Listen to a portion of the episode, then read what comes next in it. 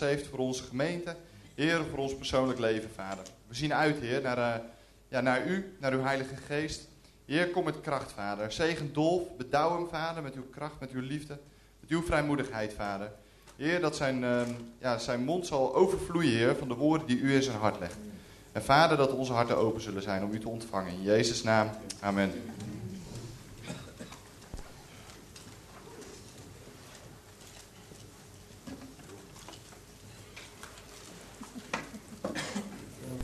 Werkt, het? Goed, het is mijn jasje maar eens uit hoor. Het is nou warm. Goedemorgen.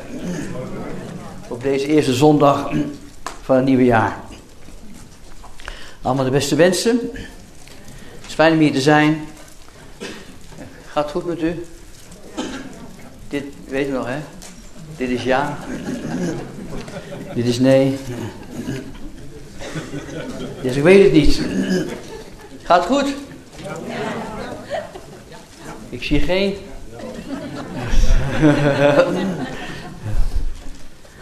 ja.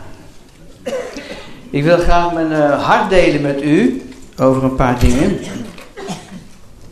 Want uh, is een uh, redelijk bewogen jaar ook geweest, denk ik. Althans voor mezelf en voor velen van u. En nou, ik bedoel ik niet verkeerd hoor. Er zijn ook de laatste, bij ons mensen, de laatste drie weken heel veel mensen overleden. Uh, mijn, moeders beste, mijn moeder is lang overleden, maar haar beste vriendin overleed op 102-jarige leeftijd. Ja, dat was een, uh, was, was, een, was, een vrij, was een vrij feestelijke begrafenis, veel gelachen. Volgens mij is het mensen lachend dood gegaan, ik weet het niet, maar 102, niet dement, bij de verstand. Dat is zo geweldig, hè? Gewoon ingeslapen, zonder te lijden. Ja. Maar ja, ook een, een, een, een man van, een jonge man van 40, daar zat ik zondag nog mee te praten op een zondag. En een week later, motorongeluk, dood. Een uh, moeder, 62, dood aan kanker. Een uh, hele Paulus Noker, een hele goede jongen, die ik ken al 30 jaar, een aanbiddingsleider. Oorspronkelijk van Molukken, 52 jaar, overleden. En toen waren het er drie of vier in twee weken. Ik zeg, nou kan die wel weer even. Vond ik het wel weer genoeg. En, uh, maar weet je, hoe moet ik dat nou toch zeggen? Uh, God brengt ons door allerlei fases heen. En, en dan weten we allemaal dat het weinig zin heeft om de, om de waarom-vragen te stellen. Maar aan de andere kant mag het ook best. Want je hoeft ook altijd niet gelijk overal antwoord op te hebben. Ik kan, ik kan redelijk leven zonder antwoorden. En dat komt, denk ik, omdat ik het heb wel eens meer tegen u gezegd. Dat ik mijn, uh, al mijn vragen over, uh, over theologie en over kerk. En over dingen die er gebeuren, die heb ik eigenlijk gescheiden van mijn relatie met Jezus. Dat betekent dat ik al die vragen ook gewoon aan hem kan stellen. Niet dat hij me er altijd antwoord op geeft. Dat betekent dat ik ook de raarste of vreemdste vragen aan hem mag stellen. En ook vragen die, die ook uh, uh, twijfel kunnen inhouden, bijvoorbeeld. kan ik gewoon stellen. Omdat twijfel niet, uh, vragen op zich niks te maken heeft met ongeloof. Maar zonder vragen veranderen we ook niet. Dus ik denk dat het altijd goed is om alles te bevragen. Vragen te blijven stellen, ook over ons eigen leven, wat we doen, wat we niet doen. En waarom we dingen doen.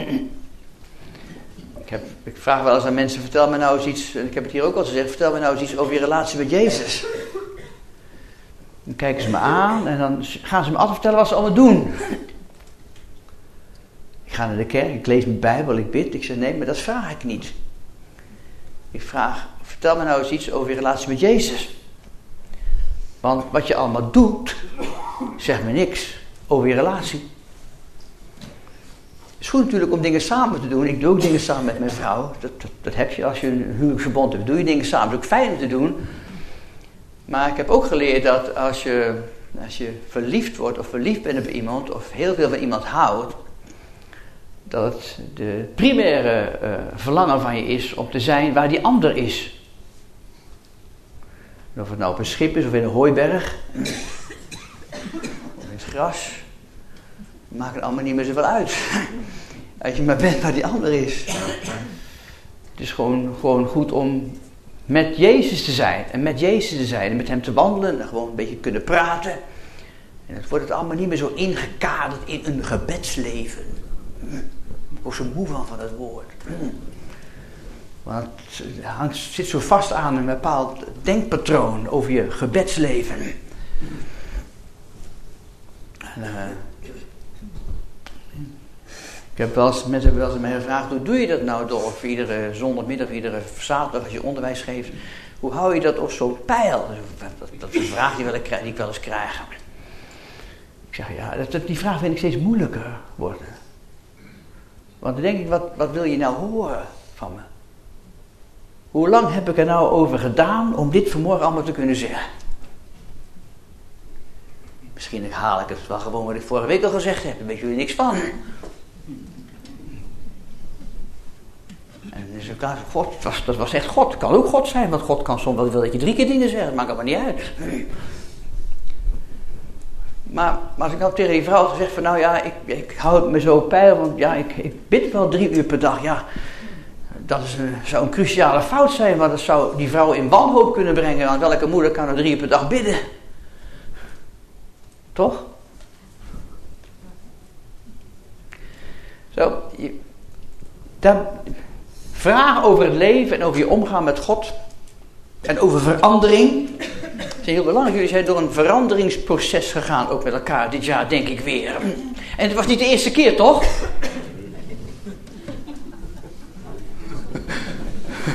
Hallo? Ik weet ook waar ik vandaan kom, hè? Niet de eerste keer, want ja, kerk, jongen, dat is ook soms maar kachelen, vind je ook niet?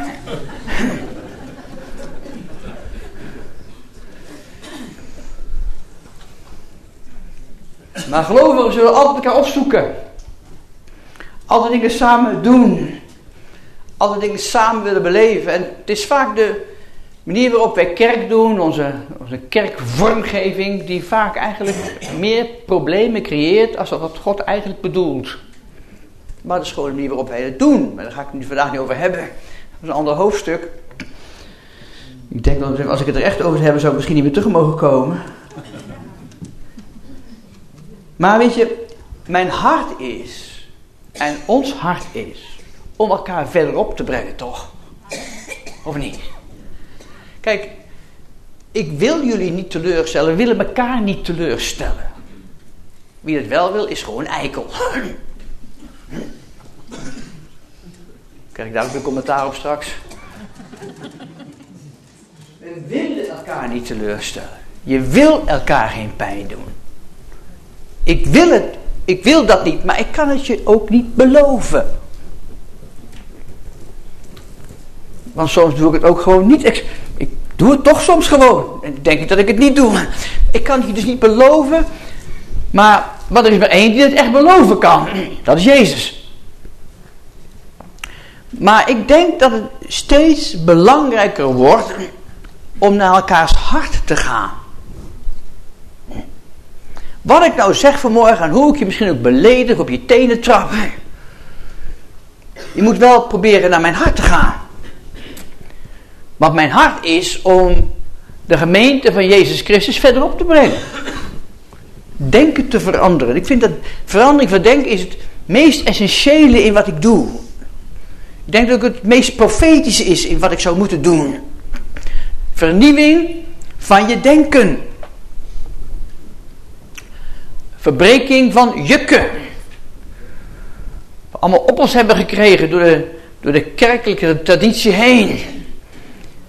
Wat je vindt dat hoort, wat je kan doen, wat je mag doen, wat je niet hoeft te doen. Tegenwoordig hebben ze, hebben ze in, in, zeggen ze, ja, is een, iets wat helemaal in is. Ja, je moet, je moet niks. Moet je niet, nee, ik moet niks. Nou, dat, dat weet ik niet. Ik moet ademhalen. Dat kan ik het wel bekijken. Ik moet gewoon naar de wc. Dus je moet wel degelijk dingen. Maar het is de liefde van Jezus die ons dringt. Daar gaat het om. Soms moet je wel eens wat doen van Jezus, toch? Denk ik. Maar zijn liefde is onvoorwaardelijk. Dus als je het niet doet, houdt hij evenveel van je. Ja, dat snappen wij niet. Dat heet onvoorwaardelijke liefde. Of je nou wel doet of niet, niet doet, hij houdt evenveel van je. Want toen hij voor je koos, ik heb het ook al gezegd, toen hij voor je koos, toen hij het huwelijk stond, met jou sloot, toen hield hij zoveel van je op dat moment. Dat hij de rest van je leven bij wilde blijven zoals je toen was. Dat je daarna veranderd bent is vers 2. Maar toen hij voor je koos, toen, ik voor toen wij voor elkaar kozen, hielden we zoveel van elkaar dat we bereid waren om, zoals we toen waren, dat is dus dit jaar 42 jaar geleden, zoals we toen waren, al die jaren bij elkaar te blijven. Dat was de bedoeling. Toch? Kijk, dat we daar al bij veranderd zijn, dat heeft ons alleen maar voordeel gebracht.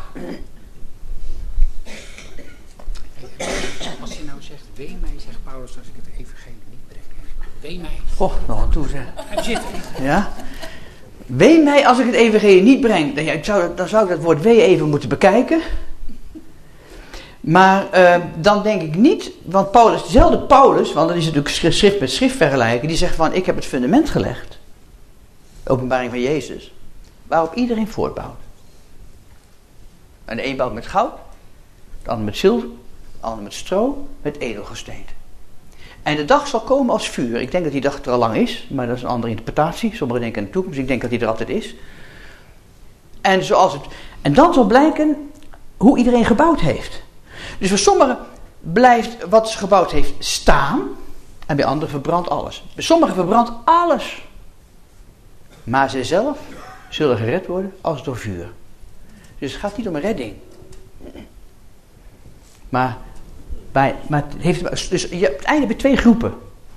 Een groep die gered is. En een andere groep die gered is en loon heeft.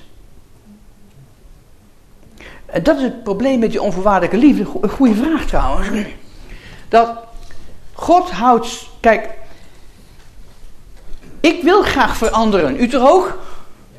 Meer naar het hart van God. En dan gaat Heilige Geest ons helpen. Maar het is niet alleen een verantwoordelijkheid voor God. Het is ook een verantwoordelijkheid voor ons. Van ons. Dat we dat, dat, we dat willen. Maar als ik, dus als ik, het, als ik het wil en het gebeurt, heb ik daar voordeel aan. Maar als ik het niet doe, dan houdt God evenveel van me. Doe ik het wel, heb ik daar voordeel aan. Natuurlijk.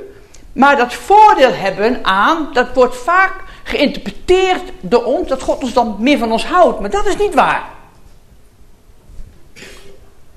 Dat wij er voordeel hebben is een zaak van oorzaak en gevolg. Als je zaait, een oogst je. Als je niet zaait, oogst je niet. Maar vroeger werd me geleerd, als je niet zaait, heb je ook niets. En dat is een leugen.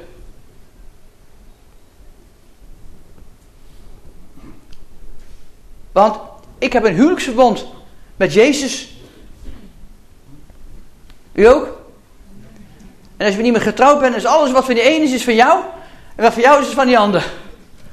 Ja? Dat betekent dat ik ook iets heb als ik niet saai. En dat wist ik vroeger niet. Dus nu kan ik zeggen, volgens mij heb ik het al meer hier gezegd, kan ik zeggen tegen een, een met vier kinderen, die niet veel te mikken heeft, dan kan ik nu tegen zeggen, joh, als je niet kan geven vandaag, is zo erg niet joh. Want God zorgt toch wel voor je. Want God geeft mij niet omdat ik hem zoveel geef. God geeft mij gewoon omdat, ik, omdat hij van me houdt. Ik heb altijd schoolgeld voor mijn kinderen betaald, maar ze waren niet altijd eens met me. Ze deden niet altijd wat ik zei. Maar, toch? Eten, altijd, maar ze waren niet altijd eens met me. Ze deden ook niet altijd wat ik zei. Waarom deed ik dat? Omdat ik, voor ze, omdat ik van ze hield. En dat ik verantwoordelijk voor ze, voor ze was. Dat is al simpel. Zwee mij als ik het evangelie predik. Ik, ik denk dat het te maken heeft met loon, niet met straf. Ik ben niet, wij hoeven niet bang te zijn voor straf. Alles wat meer is als hel is genade.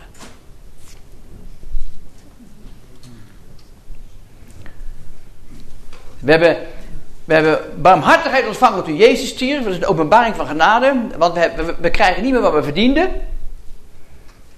En nu hebben we genade om te leven, omdat we nu hebben van alles nodig wat we eigenlijk ook niet verdienen. Maar die, dat krijgen we om te leven. Verandering is daar een heel wezenlijk. Uh, kan het een beetje zo? Kan ik, kan ik door? Kan ik door? Heb je mijn toestemming nodig? dus je vraagt beantwoord een beetje, als mijn, mening, mijn interpretatie van, van het antwoord natuurlijk. Uh, er staat in Jeremia 48, die wil ik even lezen. Het is een hele mooie tekst over verandering. Ik weet niet of je die wel eens gelezen hebt. Jeremia 48, vers 11.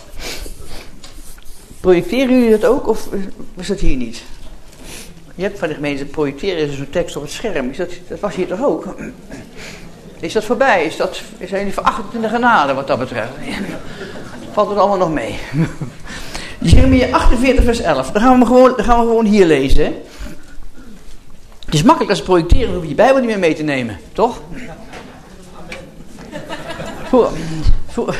Vroeger zei ze, zei ze een, een, christen zonder uh, Bijbel is als een, uh, als een zwemmer zonder zwembroek. Ah, ja, dat zei ze vroeger, in, in, toen ik jong was. Uh, ja, ja dat, gaat, dat gaat niet meer op, hè. En nu kom je eindelijk in de tijd dat je Bijbel niet hoeft mee te nemen en dan projecteren, projecteren ze het niet meer. Dat is ook wat. Moab staat er, vers 11. Moab heeft van zijn jeugd af rust gehad. Wij denken dat is goed, maar dat is helemaal niet goed. Het heeft stil op zijn droesem gelegen. Dat is helemaal niet goed. Het is niet overgegoten van het ene vat in het andere. En dat is heel belangrijk bij wijn. Dus als je maar blijft liggen op je droesem, van je jeugd af rust hebt. En je bent niet overgegoten van het ene vat in het En het is niet in ballingschap gegaan, Moab. Dus het heeft nooit een beetje druk gekend. Of problemen. Daardoor, daardoor, omdat hij altijd maar heeft gelegen, niet overgegoten is, nooit ballingschap gekend heeft, daardoor is zijn smaak hem gebleven en is zijn geur niet veranderd. Nou, dat is geen kwaliteit.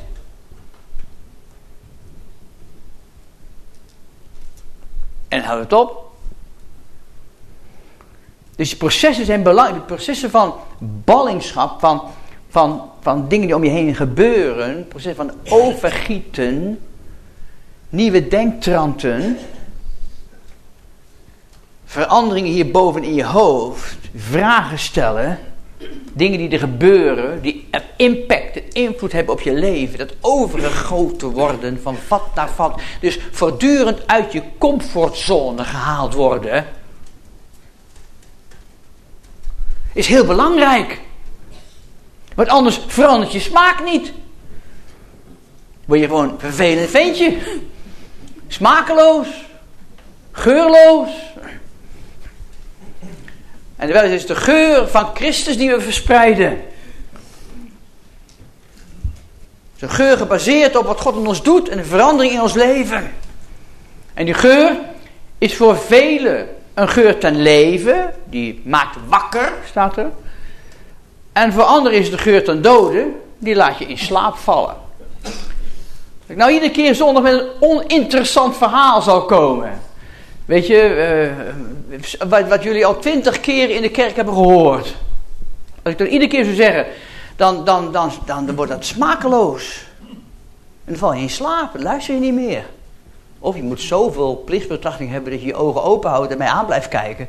En denken van, nou, toch, toch maar proberen te luisteren. Maar het valt niet altijd mee. Ik moet echt soms een kerk uitzitten.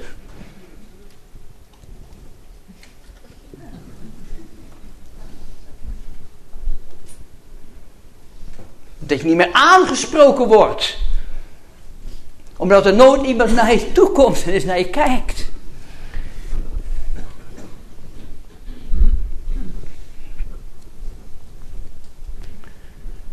En die veranderingen in denken, in cultuur, kerkcultuur, in gedrag, regels en grenzen, Die verschuiven voortdurend. Er is een verschuiving in denken over voorziening, hoe God voorziet, hoe God beschermt. Hoe God ons wil onderhouden. We gaan van paradigma naar paradigma. En taal, bijvoorbeeld taal is een paradigma, is een, is een gewoon, bouwwerk wat heel moeilijk te veranderen is. Je kunt heel moeilijk veranderingen aanbrengen in taal. En we gaan van paradigma, van vast model naar een ander model. En, en daartussen geloven we dat de Heilige Geest ons leidt. En dat Jezus de kerk bouwt en de kerk um, van stap tot stap leidt. En dat het God zij dank uiteindelijk allemaal wel goed zou komen. Vind je niet? Het komt een keer goed. En dat heeft er maar, en er gaat zoveel verschuiven in ons denken, lieve mensen. En daar wil ik, wil ik zomaar iets uit mijn hart ervan zeggen, want ik loop er ook tegenaan. We gaan, we gaan steeds meer vragen krijgen. Jonge mensen gaan ook steeds meer vragen stellen. En dat heeft te maken met die, die theologie, die wij zomaar aannemen. En wat op zich niet verkeerd is, kom ik straks op terug. Maar waar we niet meer bij vragen hoeven stellen. Ik sprak laatst met een jonge man waar ik heel veel van houd. En die gaat dan met mij praten. Die vragen, goh, zegt hij, zou er straks op een nieuwe hemel en nieuwe aarde ook een boom van kennis en goed, van goed en kwaad zijn? Ik denk, god, waar die vraag nou vandaan? Ik zei, ja, hoe, nou, ja, ja, die vraag is mij nooit gesteld. Ik denk het niet. Ik denk het niet, of ik hoop het niet. Want ja, dan is alles, uh, dan is volgens mij alles goed. Rob die zei van, ja, maar toen God hemel en de aarde schiep, zei hij ook, het was goed. En waarom zette hij toen wel die bomen neer? En, want iedereen zegt dat die boom zette hij er neer, omdat hij ons eigen wil heeft gegeven. En, en we moesten dus kiezen, ja, daarom staat die boom, dat hij ons eigen wil geeft. Maar hij zegt, is die eigen wil dan straks niet meer nodig? Zijn we dan wel eens puppets geworden onder string? Wat is dan het verschil?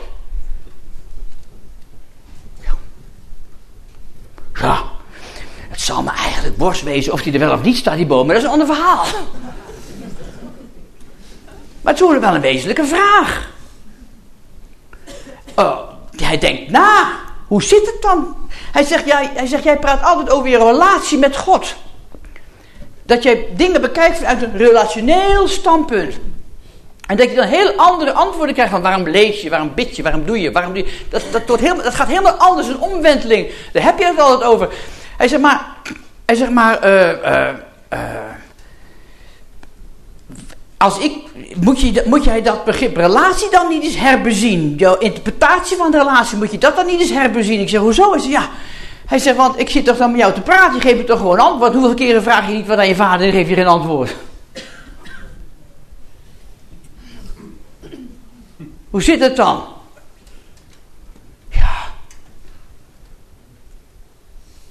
Want kijk, ik vorige keer verteld, ik heb kanker gehad van het jaar, wat tussen de haakjes overwonnen is, dank uh, prijs God, ik ben er vanaf. En ik denk dat ik hier gezegd heb, dat ik beredeneer alles vanuit een relationeel standpunt. Dat verandert mijn denken. Maar toen ik kanker had. Ja, ik zeg als, ik, als mijn zoon kanker zou hebben. Dan liet ik hem niet door 39 bestralingen gaan. Als ik hem kon nee, zou ik het zo doen. Ja, zegt ja, maar. Jezus ging wel alle 39 keer met je mee naar het ziekenhuis. Dus ja, ik zeg, maar die kon ook niet anders, hè, want die zit in me. en hier klinkt het cynisme, hè.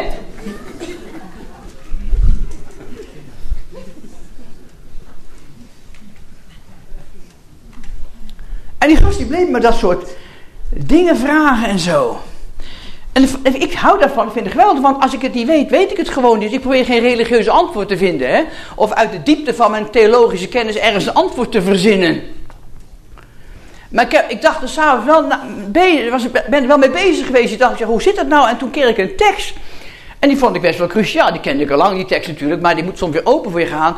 Waarop ik voelde dat de geest tegen mij zei: Het geloof het geloof is de zekerheid van de dingen die je niet ziet. Niet hoop en het bewijs van dingen, oh ja, niet hoop en het bewijs van dingen die je niet ziet. Geloof is de bewijs van dingen die je hoopt. En het bewijs van dingen, de zekerheid van dingen die je hoopt. En het bewijs van wat je niet ziet. Ik dacht, ja, dat is het. Ik geloof dat gewoon. Geloof valt niet te bewijzen. Je kunt zeggen, ja, maar met wonderen en tekenen kun je geloof bewijzen. Ja, maar het is eigenlijk meer een heenwijzing in Jezus. Want er zijn vele mensen genezen die niet in Jezus zijn gaan geloven. Dus per definitie betekent het niet dat je dan gaat geloven. Geloof, en, en daar houd ik aan vast.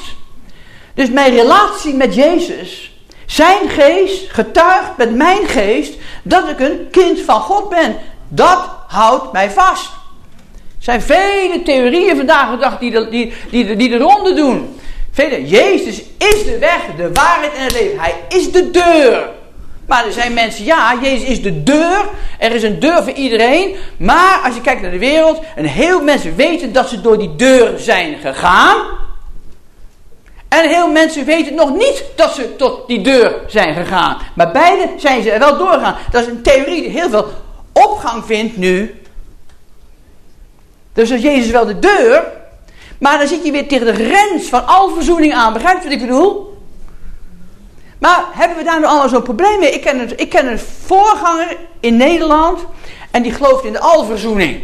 Dat uiteindelijk iedereen gered wordt. Niemand weet het. Volgens mij ben ik de enige die dat weet omdat hij blijkbaar alleen aan, mij toevertrouwt. Want de rest van Nederland zou, of, of nee, excuseer, een heleboel mensen in Nederland zouden hem ter plekke kruisigen. Want dan zeggen ze, ja, maar als je in de niet gelooft, dan, dan gaat de zendingsijver weg. En maar als ik naar die man kijk, is het helemaal niet waar. Want die getuigt, die getuigt zijn eigen uit sokken voor Jezus. Mensen komen tot geloof. Hij spreekt door Jezus, getuige is, bid met zieken. Hij gelooft in alverzoening. Maar volgens mij is hij zo gered als wat. Maar in Nederland zou je ketter genoemd worden. Hoe gaan we nou met dat soort dingen om? Ga toch naar Jezus. Houd hem vast. En heb geloof voor anderen. Maar je kunt, je kunt iets gewoon verwerpen en wegduwen, gebaseerd op je theologische kennis, maar waar je over een jaar of twee jaar staat, weet je helemaal niet. Maar in mijn hart weet ik, Jezus is de weg, de waarheid en het leven. Geloof is persoonlijk. Bewijs, zekerheid van dingen die je behoopt en bewijs van dingen die je niet ziet. Geloof.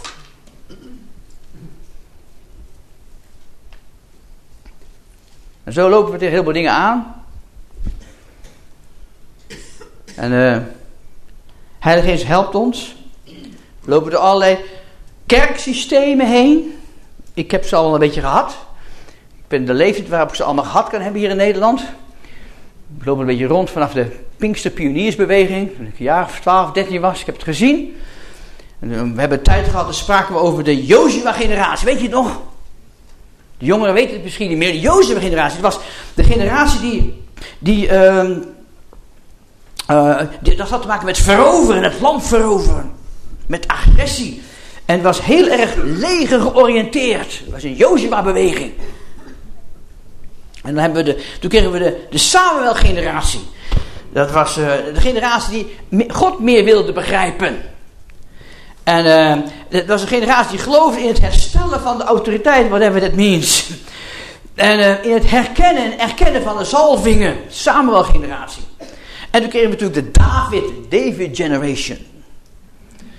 Uh, de generatie die, die durfde inzien dat ze fouten maakten.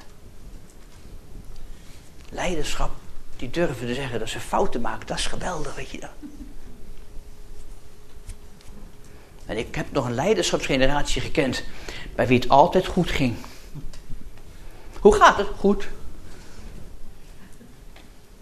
Ik zeg, ja, goed, goed, goed, goed, goed. En hier ging het altijd goed. En daar ging het nooit goed. Want de problemen waren bij jullie natuurlijk. Dus je kon nooit komen waar ik kwam, want mij ging het altijd goed. En als je durfde te zeggen van, nou, ik heb toch een rotdag vandaag. Ik zie, ik zie bij niet zitten vandaag. Ja, dan kwam dat niet over. Dan ben ik al lang geleden afgestapt. Daar, durven, je fouten durven toegeven. Tot bekering op het hart van God zoeken. Aspecten van aanbidding. Zijn tegenwoordigheid. Die, die David-generatie. En al die generaties, al die kerksystemen, liepen allemaal aan tegen Saul. Dat was de parallel die getrokken werd. De Saul. Saul die altijd deed wat mensen willen. Luisteren naar mensen. Macht, controle. Eigen koninkrijk.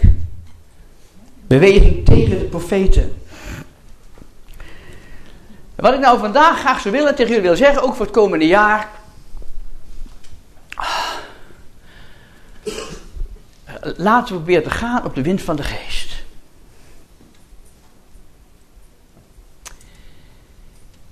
En dan moet je me niet verkeerd begrijpen. Want ik hou van het woord.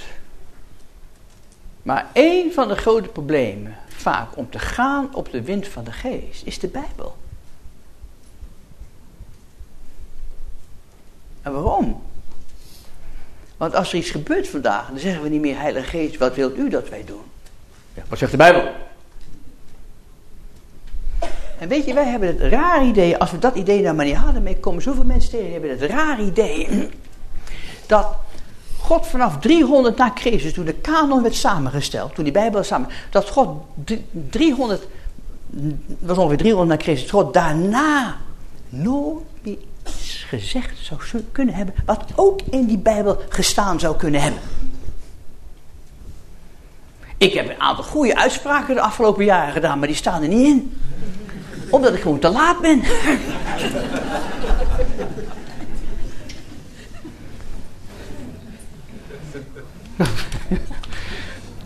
Er staat, uh, zoals een mens denkt, zo is die. Staat er eens bij hartstikke goede tekst. Is waar, zoals een mens denkt, zo is die. Ik heb er ook in. Wat je gelooft, bepaalt je leefstijl. Die vind ik steengoed, maar die staat er gewoon niet in. Als we daar vandaag over kunnen spreken. Maar omdat het niet in staat, kan ik er ook niet over spreken.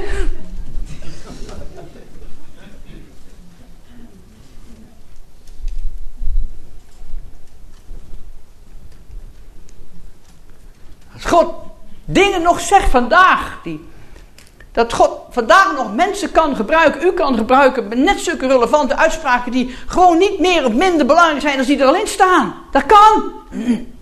Kijk, dat we het als toetssteen gebruiken is een ander verhaal. Moet je ook nog de juiste vertaling weten. Maar goed, dat kunnen, je moet er niet tegen de Bijbel ingaan, maar dat, dat we niet meer kunnen gaan op de wind van de geest. Dat God niet iets zou kunnen zeggen wat buiten onze denkkaders ligt. Wat we niet gewend zijn. Of allerlei problemen en oorzaken, dingen is in de gemeente of in je eigen leven. Dat God geen uitzonderingen zou kunnen maken, bijvoorbeeld. Moet je er heel voorzichtig mee zijn. Maar daarvoor hebben we elkaar. Ik denk dat God ons ook met elkaar autoriteit heeft gegeven om beslissingen te maken waarvan we het antwoord vaak niet zo snel kunnen vinden in de Bijbel. Of er niet eens in staat. Het is een andere tijd. Heb ik nog niet over de interpretaties. Ik weet, er staat ergens, ik ben even de tekst kwijt, dat Paulus zegt op een gegeven moment. Denk erom, de vrouwen moeten zwijgen in de gemeente, want eerst is Adam geschapen. En niet Eva. Ken je die tekst? Die, staat er. Dus wat we daar niet aan, hebben vastgeplakt is. Dat vrouwen mond dicht, want de man is belangrijker. Maar wij vergeten dat Paulus vaak meestal antwoorden gaf op vragen of situaties die hier in die kerk gebeuren. En als je nou de historie bekijkt en de juiste context bekijkt, dan was het geschreven aan de gemeente van Efeze. En in Efeze stond die Artemis-tempel. Met tempelprostitutie. Dus je kon via de, prostitutie een bepaalde weg gaan. En die, die priesteressen, die hadden dat onderwijs. Die verkondigden dat eerst de vrouw was geschapen en toen de man. En dat Adam niet door even verleid is, maar andersom. Dat Adam even verleidt. Dat brachten ze. Dus die vrouwen kwamen tot bekering. En die gingen dat soortzelfde verhalen ook verkondigen. In die nieuwe levensomstandigheden. En dan zegt Paul: hé, hey, pas op, vrouwen, zwijg. Want eerst is de man geschapen, niet de vrouw. Begrijp je welke context het ligt? Daar heb ik nog niet eens over dat soort denktranten die niet kloppen. Maar er is zoveel aan de hand. ik, een heel raar voorbeeld. Ik, ik, ik, ik, heb- Vlissingen lopen ook wel eens van zwervers rond, hè? Of, of, eh, of bedelaars, of mensen die geld willen hebben. En dan zeggen wij, ja, ehm, ik wil wel wat aan je geven, maar dan gaan we nu brood kopen, eh, want dan zijn we bang als we geld geven, dat ze er iets voor gaan kopen wat wij niet leuk vinden. Bijvoorbeeld. Maar ik heb wel eens gehad dat ik er la- liep en die man voor me geld heeft me gewoon geld gegeven. Ik dacht, toen dacht ik, kan me niet schelen wat je ervan koopt. In die zin dat je kunt niet alles van tevoren geregeld hebben.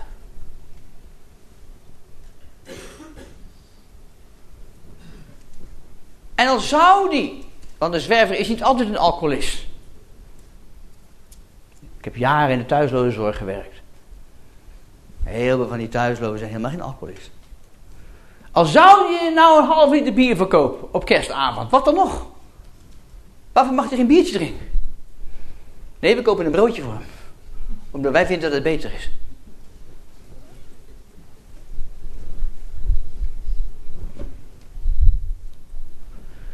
Kom ik nou weer aan zo'n voorbeeld? Ik ga, ik ga even met me naar twee koningen. Heb ik nog tien minuten? Ja, ik kan nog wel tien minuten. Ik eigen me gewoon twee, tien minuten toe.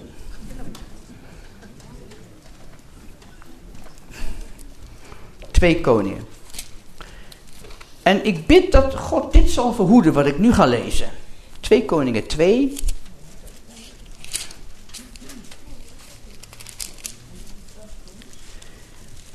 Je weet Elia en Elisa. Elia loopt achter Elisa aan. En eh, die vertrekt, eh, die gaat ten hemel, die vaart ten hemel. We meesten kennen dat verhaal wel. En eh, dan staat er, toen naderden de profeten van Jericho tot Elisa en vroegen hem, weet gij, vers 5, weet gij dat de Heer heden uw Heer boven uw hoofd zal wegnemen?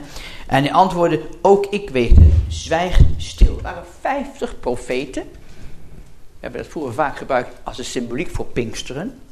Beweging van Pinksteren die tegen de nieuwe beweging was. Die symboliek die, die eh, gebruikten we wel eens.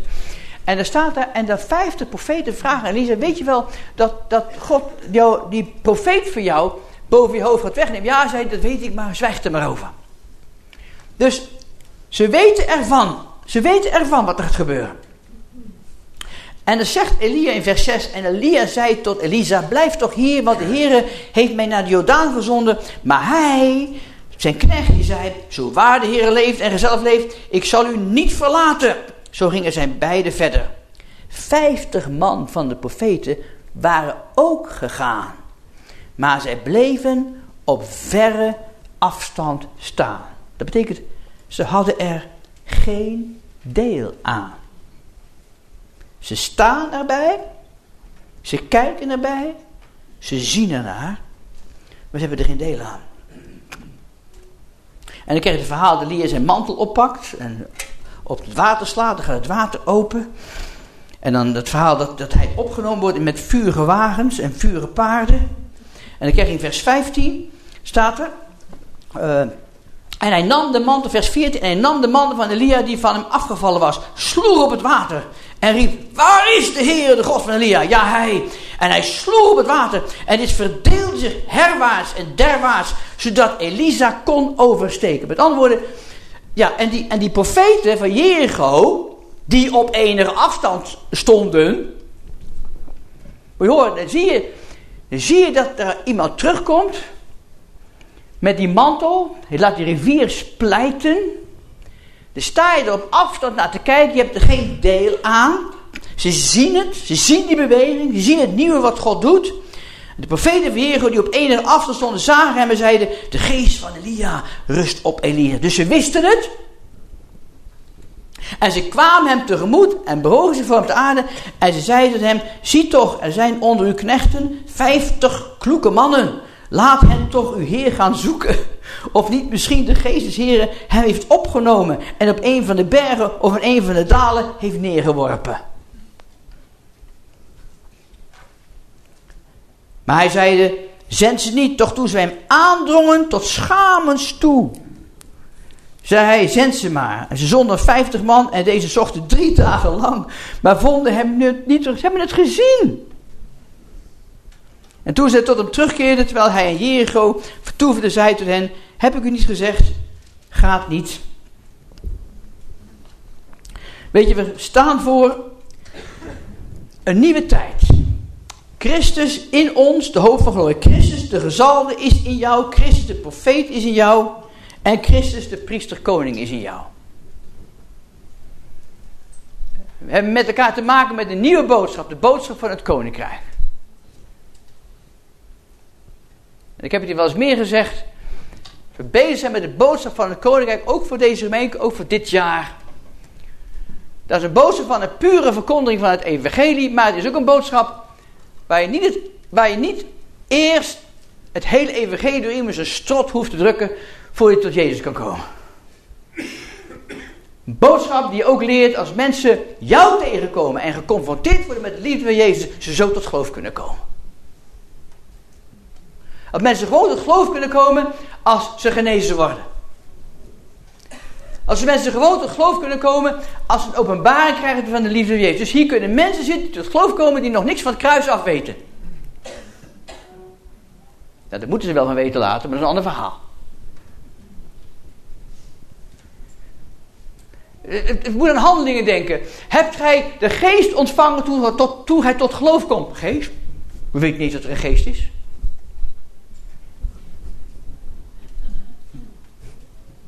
Ze waren tot geloof gekomen, maar ze wisten nog not. Een, een, een, een, boodschap zo van het hart. Ik moet denken aan Apollos, een man doorkneed in de schrift, zaten. Die de Christus bewoog, bewees vanuit de schriften. Er kwamen twee eenvoudige mensen, wie weet het nog, Aquila en Priscilla. En ze riepen hem even apart, kom eens even Apollos. En ze legden hem de weg van Jezus een beetje beter uit.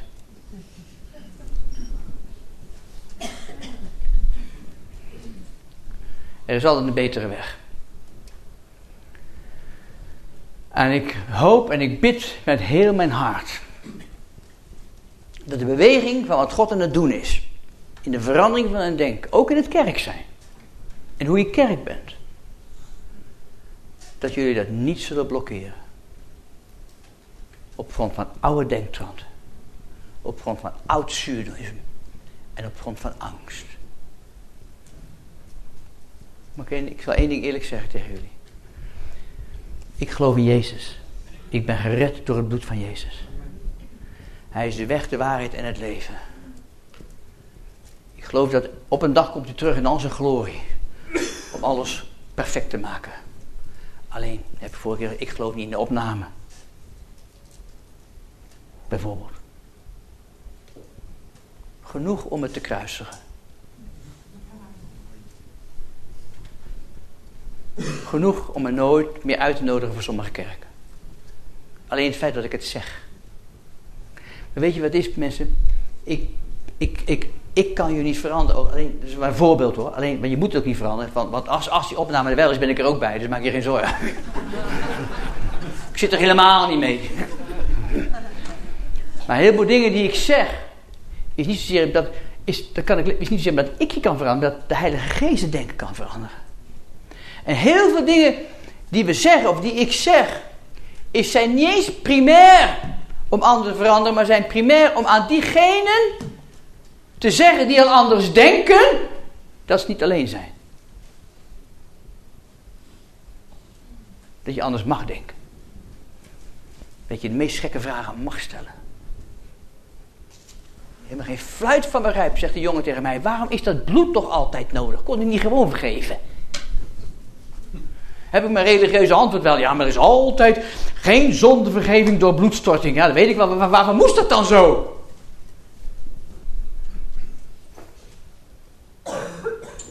Want voordat er geofferd werd, en voor de tempel was er ook een vergeving. De diepste dus we kunnen vragen stellen over de diepste theologische waarheden die we kennen. En die, en die, en die kunnen ons nog in verwarring brengen.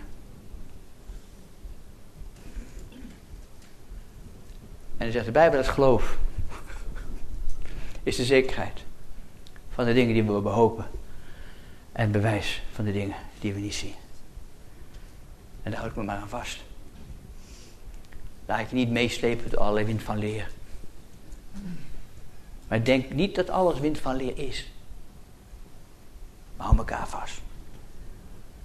En veroordeel elkaar niet. Omdat je iets anders denkt of anders zegt. We kunnen wel dingen beoordelen en op waarde schatten. Maar we behoren niet te veroordelen. Want vaak, ik denk heel vaak, heeft God toch wel heel andere maatstaven dan wij vaak toepassen. Wat geen oog heeft gezien. Wat geen oor heeft gehoord. En wat in geen menshart opgekomen. Heeft God bereid voor wie hem liefhebben. Moab is op zijn droesem blijven liggen. Van zijn jeugd af aan. Heeft geen ballingschap gekend. Is niet gegoten van het ene vat in het andere vat. Daardoor is zijn geur en zijn smaak hem gebleven. Ik hoop dat de geur en de smaak die wij hebben, komt en ziet en smaakt dat de Heer goed is. Het heeft met jou te maken. Dat hij verandert, dat hij beter wordt, dat hij goddelijker wordt en dat hij veel mensen zal wakker schudden. Amen. Amen. Heer Jezus, dank u wel. U bent geweldig, Heer. Hoe nou zit met die deur, ach, maar voor mij bent u de deur. Ik ben door u doorgegaan. Ik heb bewijsvoering in mijn hart gekregen dat ik uw kind ben.